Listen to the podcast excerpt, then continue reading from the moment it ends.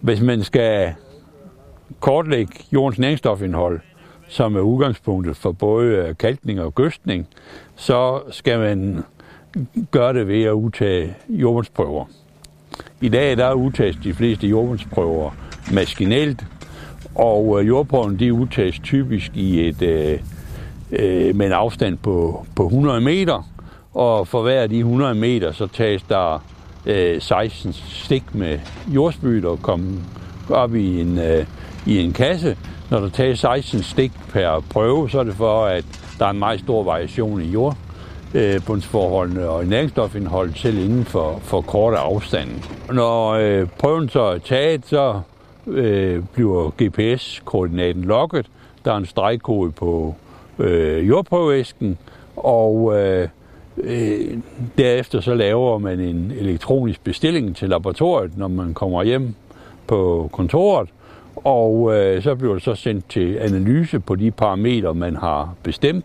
Det er typisk øh, reaktionstal, fosfortal og kalium og magnesiumtal, og nogle gange også øh, øh, kovertal. Sjældnere øh, kan man også øh, foretage andre analyser.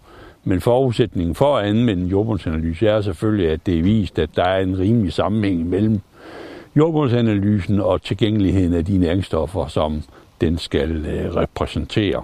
Prøven de er analyseret så på øh, laboratorier efter nogle standardmetoder, der har været anvendt i mange år, og derefter så kan der ske en fuldstændig øh, elektronisk behandling af, af tallene.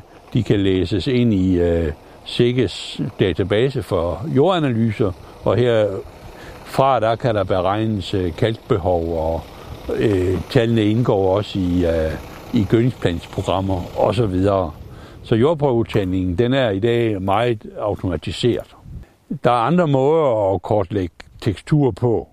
Man kan gøre det også med sensorer, enten med EM38, der bygger på øh, jordens elektriske ledningsevne, eller ved måling af gammastrålingen, som såkaldte soil system bygger på. Men hvis vi skal kortlægge jordens næringsstofindhold, så er man nødt til at ty til det gamle øh, metode med at, at tage øh, jordprøver. De forløbige kort er allerede tilgængelige på landmænd.dk.